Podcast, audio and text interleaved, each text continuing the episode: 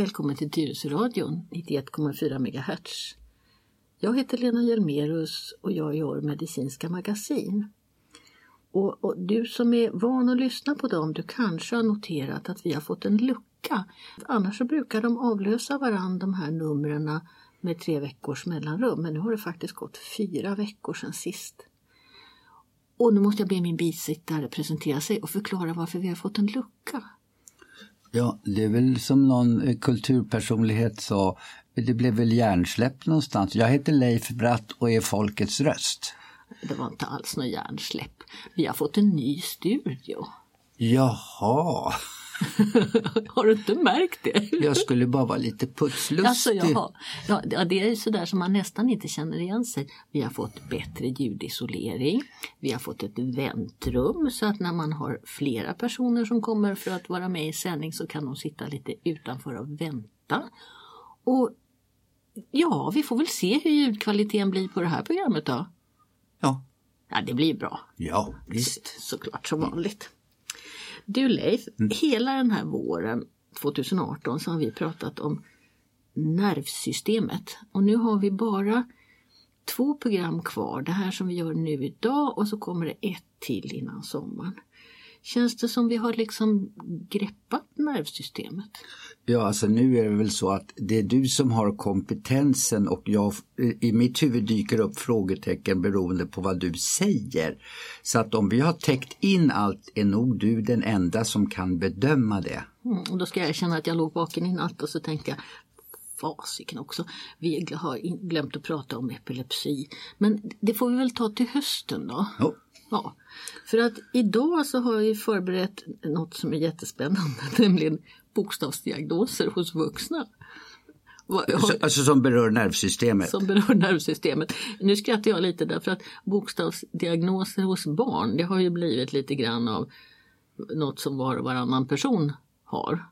Eller hur? Ja, om det är sant att var och varannan person, men det är mycket vi pratar om i alla fall. Det är mycket ADHD och sådär. Ja, och när jag, när jag nu för in begreppet bokstavsdiagnoser hos vuxna så är det inte alls någonting som har med hyperaktivitet eller något sånt att göra utan det är bara det att de här sjukdomarna i nervsystemet de har så krångliga namn.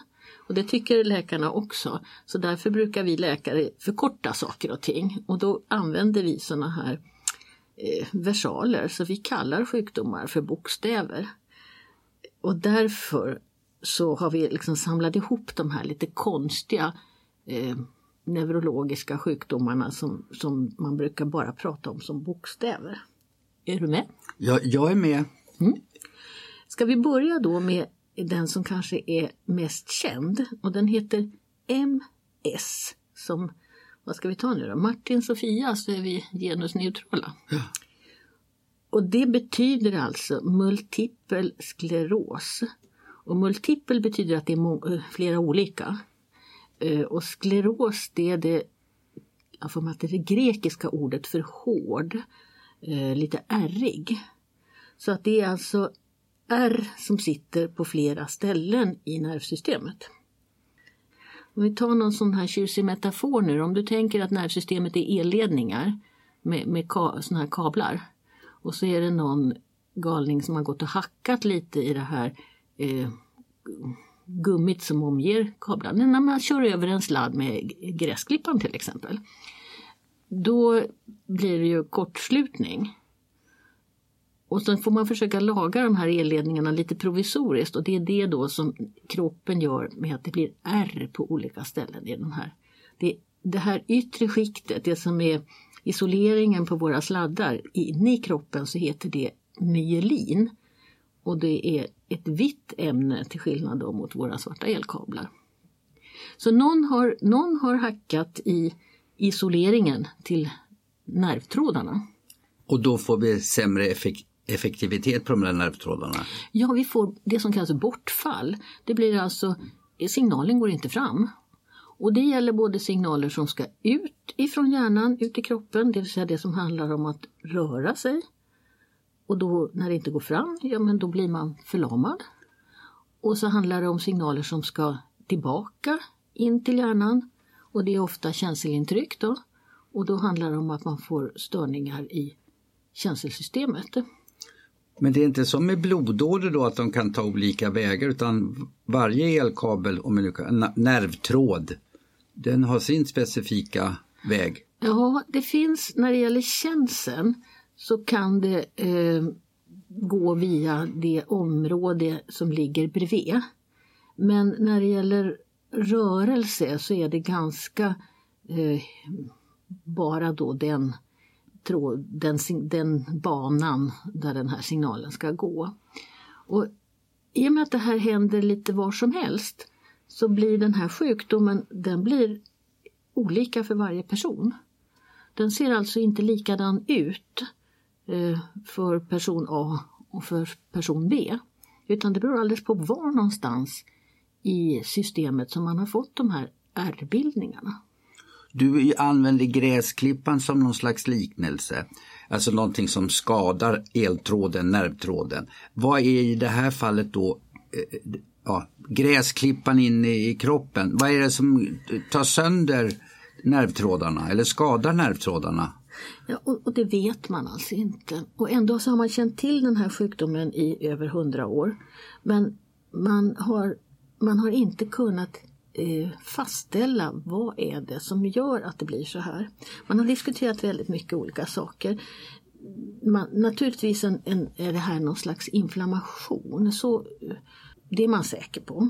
Och det är en kronisk inflammation.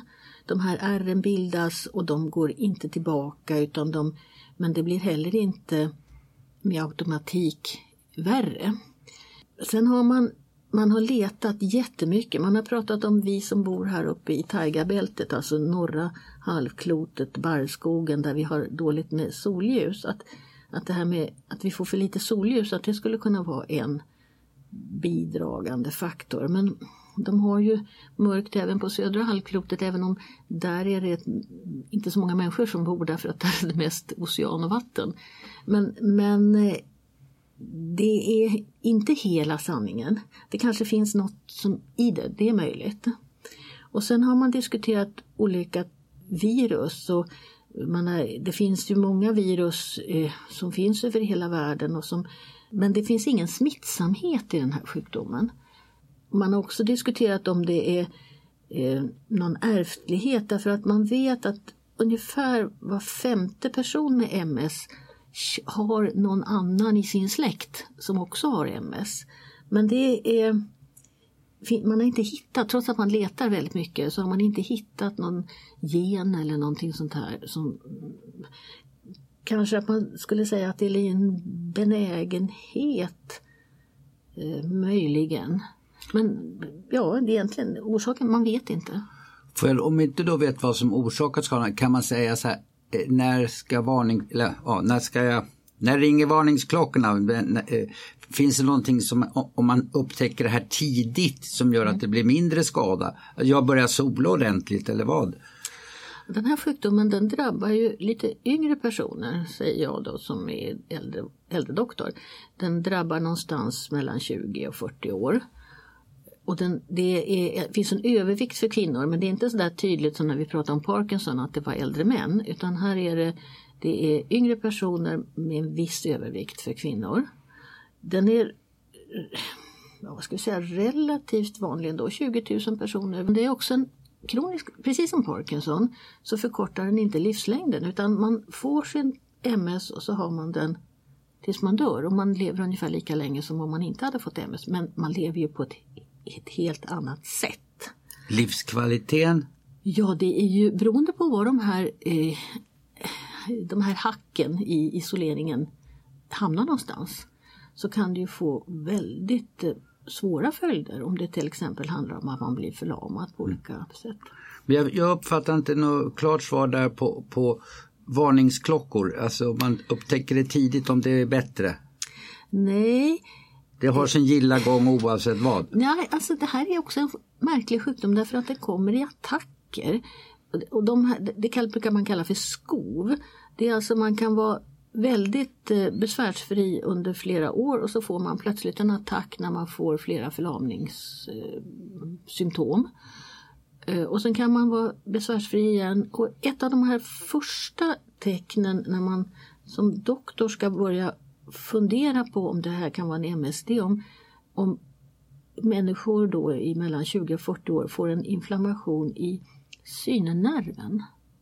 För det är ett sånt där känsligt ställe och den, det, det märks ju på en gång också om man plötsligt skulle få en, en, en svullnad i, i, i synnerverna och börja se sämre. Och det är därför man alltid tittar på ögonbotten i, i alla ögonundersökningar.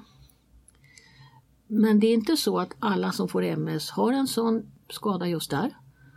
Eh, men det, det kan vara ett, det första tidiga varningstecknet. Sannolikt är det nog så att vi doktorer missar rätt mycket här för att vi, det är så vaga saker i början så att man, eh, man måste liksom ha, vara alert i sitt tankesätt om man ska komma på att det här skulle kunna vara en debuterande MS. Men du sa också, om jag uppfattar det rätt, att ungefär mellan 20 och 40 år, det var då mm. den uppträdde. Mm. Så om, om, man har fyllt då 45 säger vi, då är man inte i riskzonen längre eller? Det, eller det är väldigt få? Det, det, det, är, det är färre som får det när de blir äldre. Man kan fortfarande få det men, men eh, de flesta som får diagnosen MS, de, de får den då i aktiv ålder. Och diagnosen den ställer man sen genom, nu finns det ju den fina tekniker att, att med en magnetkamera se nervsystemet och då ser man de här hacken i isoleringen. Och man kan också ta prover ifrån ryggmärgsvätska eh, och hitta speciella ämnen som bildas när man får en infektion i nervsystemet. Så att diagnostiken är när man väl har kommit på att det skulle kunna vara en MS-sjukdom den är, är rätt så enkel. Vid de här attackerna då brukar man ge eh, kortisonstötar. Eh, men sen har det nu de sista 10-15 åren kommit en massa nya mediciner. För det är klart att en sån här sjukdom som drabbar arbetsföra människor den försöker man ju hitta åtminstone mediciner som lindrar och dämpar den här inflammationen. Och det här är specialistkunskap som ligger utanför mitt område. Dels har det kommit nu på de senare åren och dels är det här fortfarande licenspreparat och det är speciella preparat. Men det är neurologerna, neurologiska klinikerna som sköter om de här patienterna. Vad betyder licenspreparat? Alltså medicin är medicin för mig. Vad är ett licenspreparat? Det är läkemedel som inte är släppta på marknaden än som man får ansöka om att få behandla en patient med. Och det är specialistklinikerna som har tillgång till de här licensmedlen. En sak som jag tycker man ska komma ihåg när det gäller MS idag det är den här debatten om LSS, lagen om särskilt stöd. Jag vet inte, har du följt den debatten någonting? Nej, det ska villigt erkännas att det har jag inte gjort. För det är så mycket sjukdomar som diskuteras när man blir äldre i alla fall så man behöver inte söka upp ännu mer.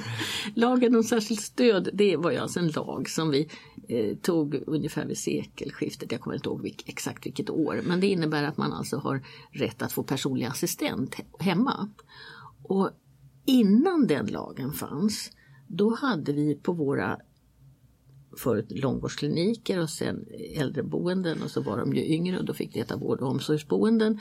Då hade vi ganska många människor med MS som institutionsvårdades som alltså fick flytta hemifrån och så fick bo på en institution på ett rum på 30 kvadratmeter. Och det är klart att den här lagen den var, är en revolution för de människorna. För då kan de med hjälp av en personlig assistent fortsätta att jobba. Och det är billigare för samhället att ha människor som arbetar, även om de arbetar kanske inte heltid, än att vi ska ha människor som är unga och bor på institutioner. Och därför är det så sorgligt nu när man pratar så mycket om att LSS kostar samhället så väldigt mycket pengar. För vi ser inte vad det skulle ha kostat om vi inte hade haft LSS för de här människorna. Så det blir alltså i slutändan ganska många människor men alltså för mig, men, eh, jag är ju som jag är, jag, jag fattar inte sådana där debatter därför att det är ju också en moralisk fråga. Alltså när man inte vet alltså, jag kan ju förstå kanske en diskussion om man dricker för mycket eller röker för mycket, då kanske lite självförvållat. Men i det här fallet är det ju inte något självförvållat. Och, och då inte ge, alltså utifrån de resurser vi har. Ja, och, alltså, det är väl självklart Eh, jag tror att man kanske måste komma i kontakt och, och träffa en MS-sjuk patient för att förstå vad, hur viktigt det här samhäll, samhällets insats på det här området är med de personliga assistenterna. Mm. Men det var ju lite grann som vi pratade om i tidigare program om det här med äldreträffpunkt eller äldrecentrum, alltså att man har ett socialt umgänge. Att det förbättrar livskvaliteten. Mm. Ja, och ja. vi slipper vårdkostnader. Där, ja. Ja, ni som har följt de här programmen som, som Leif och jag gör, ni vet att vi pratar väldigt mycket om förebyggande, alltså det som kallas för preventiv synsätt.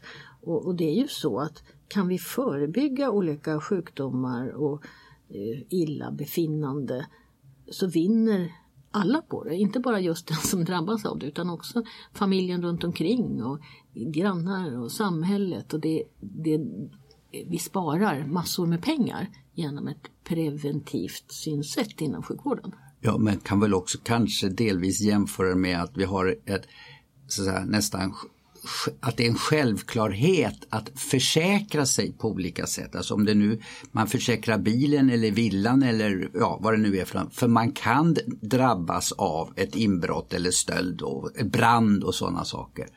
Det är som, alltså försäkringen är som en slags kollektiv skatt för det är inte alla som drabbas av de här bränderna och stölderna och så vidare. Men vi tycker att det är självklart att eh, vi skyddar vår egendom. Då kan vi väl få skydda våra medmänniskor också. Ja, och eh, apropå försäkringar, har man en sån här diagnos i sina sjukjournaler då eh, har man ju svårt att få en, en sjukförsäkring. Därför att en sån här sjukdom då som finns hela livet och som kan slå till med ett sånt här skov, en attack, lite när som helst utan förklaring.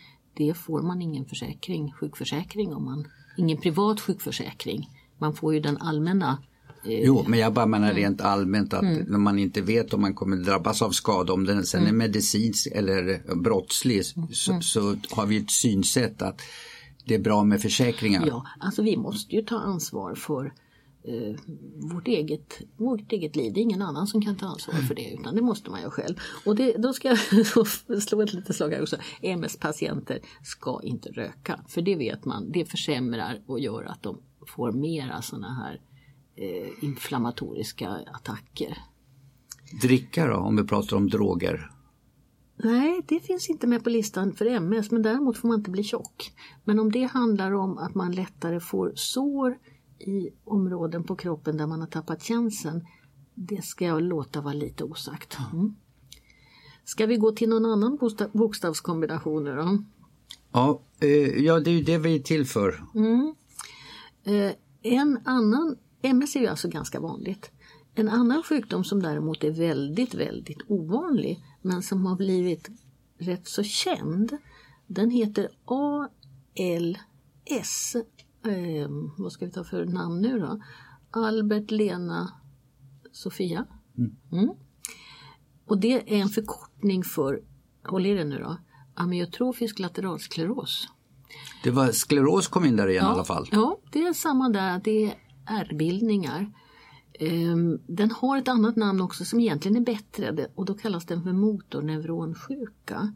Det har inte riktigt slagit igenom i den, bland doktorerna. Jag vet inte om vi tycker att det är roligare att säga ALS men motorneuronsjuka är egentligen ett bättre ord därför att den, den förklarar lite mer var den här sjukdomen sitter. För den här den här sjukdomen sitter i ryggmärgen eh, och även upp en, en bit i, i översta delen av ryggmärgen som sitter ihop med hjärnan, det som kallas för den förlängda märgen. Och det här är också en sån där mycket, mycket konstig sjukdom. Den, den blev känd därför att eh, det var en tv-profil Ulla-Karin Lindqvist som drabbades och då följde hennes kollegor på tv henne under sjukdomsförloppet och hon skrev också, det skrevs en bok om henne. Tror att den heter Ro utan åror. Och en, en annan personlighet som har också varit väldigt känd och som dog alldeles nyligen det är Stephen Hawkins. Ulla-Karin Lindqvist hon var nog mer typisk för sjukdomen för den, hon levde inte så många år och den här, den här är dödlig och den brukar döda då inom fyra år. Stephen Hawkins han, han var ju undantaget. Han har väl levt i 30 år och det är ganska många som har ifrågasatt om han verkligen hade eh, ALS eller inte. Därför att han var så oerhört annorlunda. Men äh, de som har, känner till de här personerna har nog en bild framför sig av en människa som eh, har förlorat i stort sett all sin viljemässiga funktion. Kan inte röra sig, kan inte tala, kan inte äta, eh, har andningssvårigheter. Och det här är en ohygglig sjukdom. Eh, den är faktiskt, när jag då på Gustav Vasas tid gick min läkarutbildning, då rådde man oss att den här skulle man inte tala om för patienter att de hade. Nu har vi en annan lagstiftning så att idag är vi skyldiga att tala om för patienter vad de har för sjukdomar. Vi får inte dölja någonting. Men det säger ju lite grann om den ångest som finns runt den här diagnosen. Är det samma sak här som med MS att eh, orsaken den är okänd eller? Ja, det är den.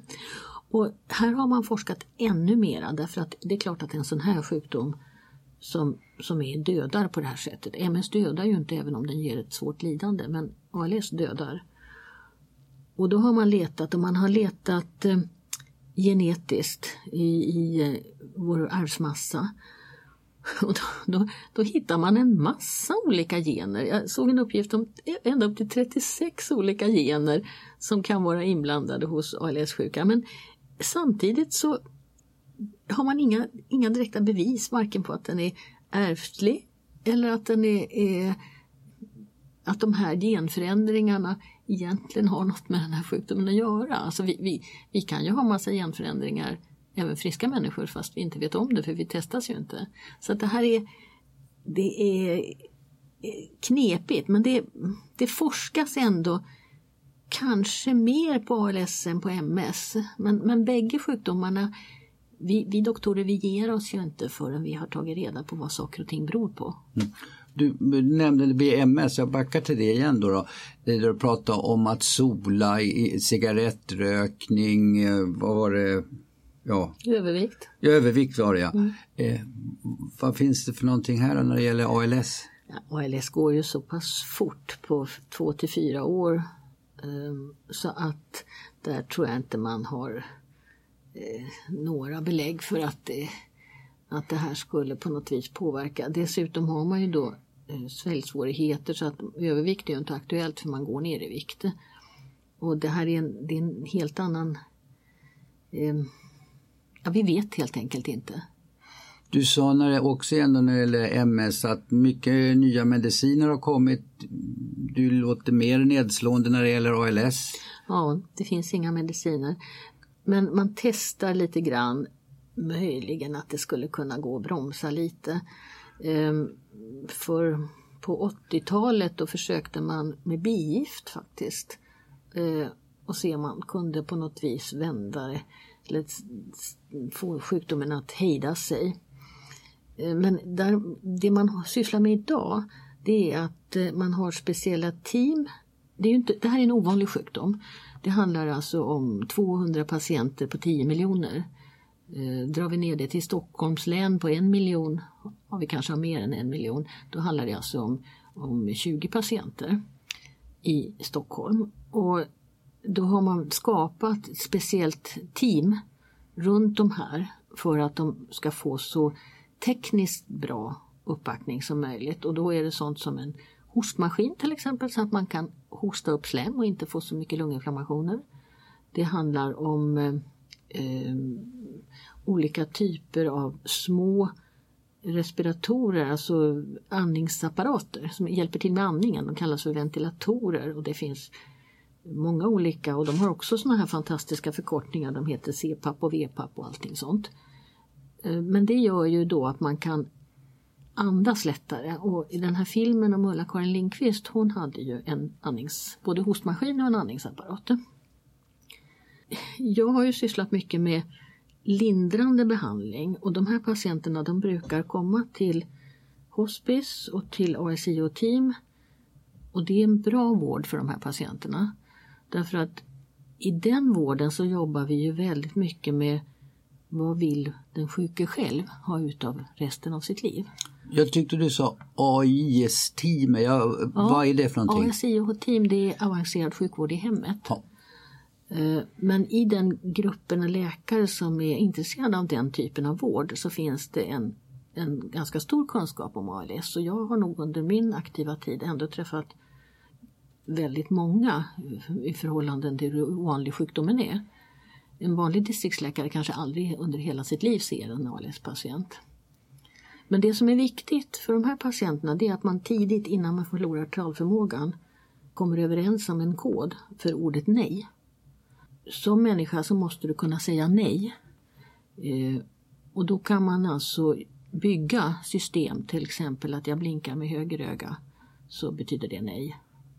Det är viktigare att kunna säga nej, eller att uttrycka nej, än att kunna säga ja.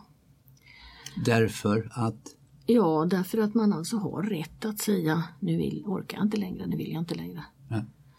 Och eh, en annan sak som är viktig för de här patienterna det är ställningstagandet. Ska jag matas med en slang i magen eller inte? Och där finns det människor som vill ha sin mat direkt i en slang in i magen. Och det finns människor som absolut inte vill det. Och det är jätteviktigt att den som inte vill ha en slang i magen inte heller får det. Och det är sådana här frågor som vi då inom den palliativa världen är duktiga på att prata med folk om. Vi stoppar inte bara in en slang utan vi tar också reda på, vill man ha den? Eh, så att det är väldigt många etiska, ganska svåra frågeställningar när det gäller ALS-patienter. Och man behöver inte åka till Schweiz för att bli avlivad utan man kan få faktiskt eh, dö i värdighet på någon av de här hospiceavdelningarna som finns i ganska många här i Stockholm. Så att, eh, här handlar det om att, att se till att slutet blir bra. Eh, men det är en, en, eh, det, är en, det är en sjukdom som många känner till just därför att den väcker så mycket oro och ångest. Ja, det är inte så konstigt. Nej. Det skulle man säga, vilken sjukdom vill du inte ha Lena? Ja. Då skulle jag nog också säga ALS, det vill jag inte ha. Nej. Nej. Men sånt får man inte bestämma. Nej. Nej. Ska vi eh, ta några minuter till? Vi har inte så väldigt lång tid kvar men vi ska kommentera, jag ska kommentera en bokstavskombination till. Och den, den heter också på M, ME. I MS så stod M för multipel men i ME så betyder M myalgisk, det vill säga muskel. Och E står för encefalomyelit och det betyder egentligen sjukdom i hela nervsystemet. Alltså en sjukdom som finns i hela nervsystemet men drabbar framförallt musklerna. Muskelsmärta kan man väl säga. Den hade ett annat namn tidigare, den hette kroniskt trötthetssyndrom. Men nu har WHO som bestämmer vad alla sjukdomar i världen ska ha för, för namn och vi, det finns nummer på alla sjukdomarna. Eh, de har bestämt att den här sjukdomen nu heter ME. Och den är så pass ny ändå, nu pratar vi om kanske 20-25 år, att den har inte riktigt slagit igenom i Sverige eh, som begrepp. Det skrivs en hel del om det i tidningarna. Det finns en aktiv patientförening och i dagarna här nu under maj månad så håller man inom läkargruppen ett stort möte där man diskuterar den här eh, sjukdomen, hur den ska behandlas och vad den, hur den ser ut. Men det finns alltså, det här är en sån där sjukdom som Försäkringskassan ibland avslår. Därför att kunskapen om den är inte tillräckligt känd. Men när du säger kronisk trötthet, narkolepsi, vi hade, om det var nu fågelinfluensa eller det, och så mm. fick man någon medicin som gjorde att man blev sjuk. Ja. Är det något liknande? Det är något liknande. Det är alltså en eh, man började prata om det här redan på 50-talet när, det, när vi hade haft, vi hade ju en polioepidemi på 50-talet. Och då var det så att en del som inte eh, fick en, en full utblommad polio men ändå fick någon slags infektion i den där. De fick det här tröttheten och det är alltså ingen vanlig trötthet utan det är en, det är en, en trötthet som inte nästan går att beskriva i ord. Eh, på 70-talet då, då försökte man med då, då koncentrerade man mycket på att det var smärta i musklerna och då höll man på att experimentera. Man sprutade vatten i muskler och sånt där för att se om det kunde bli påverkas. Men man, man tror nog ändå att det här är någon slags eh, eh skada efter en, en, en allmän virusinfektion. Det är inte virusinfektionen i sig tror man utan det är mer att kroppen inte riktigt orkar återhämta sig efter en, en, vissa infektioner. Om, om du pratade där om att det var 20 000 när det gäller MS och var det 20 i, i Stockholm som, per år som, nej det var 20 000 som hade MS ungefär mm, mm. och 20 personer som hade ALS Mm. Eller var det som insjuknade i ALS? Ja, ja insjuknade. Mm. Ja. Vad är det här ME då? Hur stort är det? Ja det vet man ju inte därför att eftersom den inte riktigt eh, godkänns eller är, är, diagnostiseras korrekt så en del säger att det är jättevanligt. Och det är naturligtvis de som träffar många sådana här människor. Andra säger att nej men det här kanske inte ens finns. Men att den finns det har ju vi nu då internationellt papper på. Och det finns en särskild mottagning bland annat på Stora Sköndal som ju har specialiserat Stora Sköndal är ett sjukhus där man har specialiserat sig ganska mycket på neurologiska sjukdomar.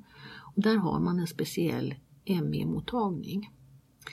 Men jag tror att vi eh, eh, Jag låter väldigt diffus här men alltså det, det, det vet vi vet, vi vet att de här människorna som har den här extrema tröttheten, de kan inte träna sig piggare.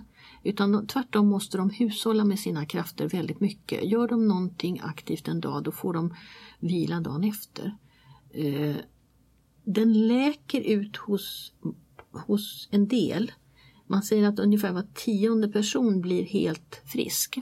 Men många som har drabbats av den här kroniska tröttheten blir inte helt bra. De blir bättre men inte helt bra. Eh, men vi lär nog få höra mer tror jag om kroniskt trötthetssyndrom eller den här myalgisk encefalomyelit eh, de kommande tio åren, det tror jag. Ja. Putslustiga jag då, så det är kanske är dags att sluta nu innan lyssnarna somnar. Ja, nu är det helt klart dags att sluta för idag.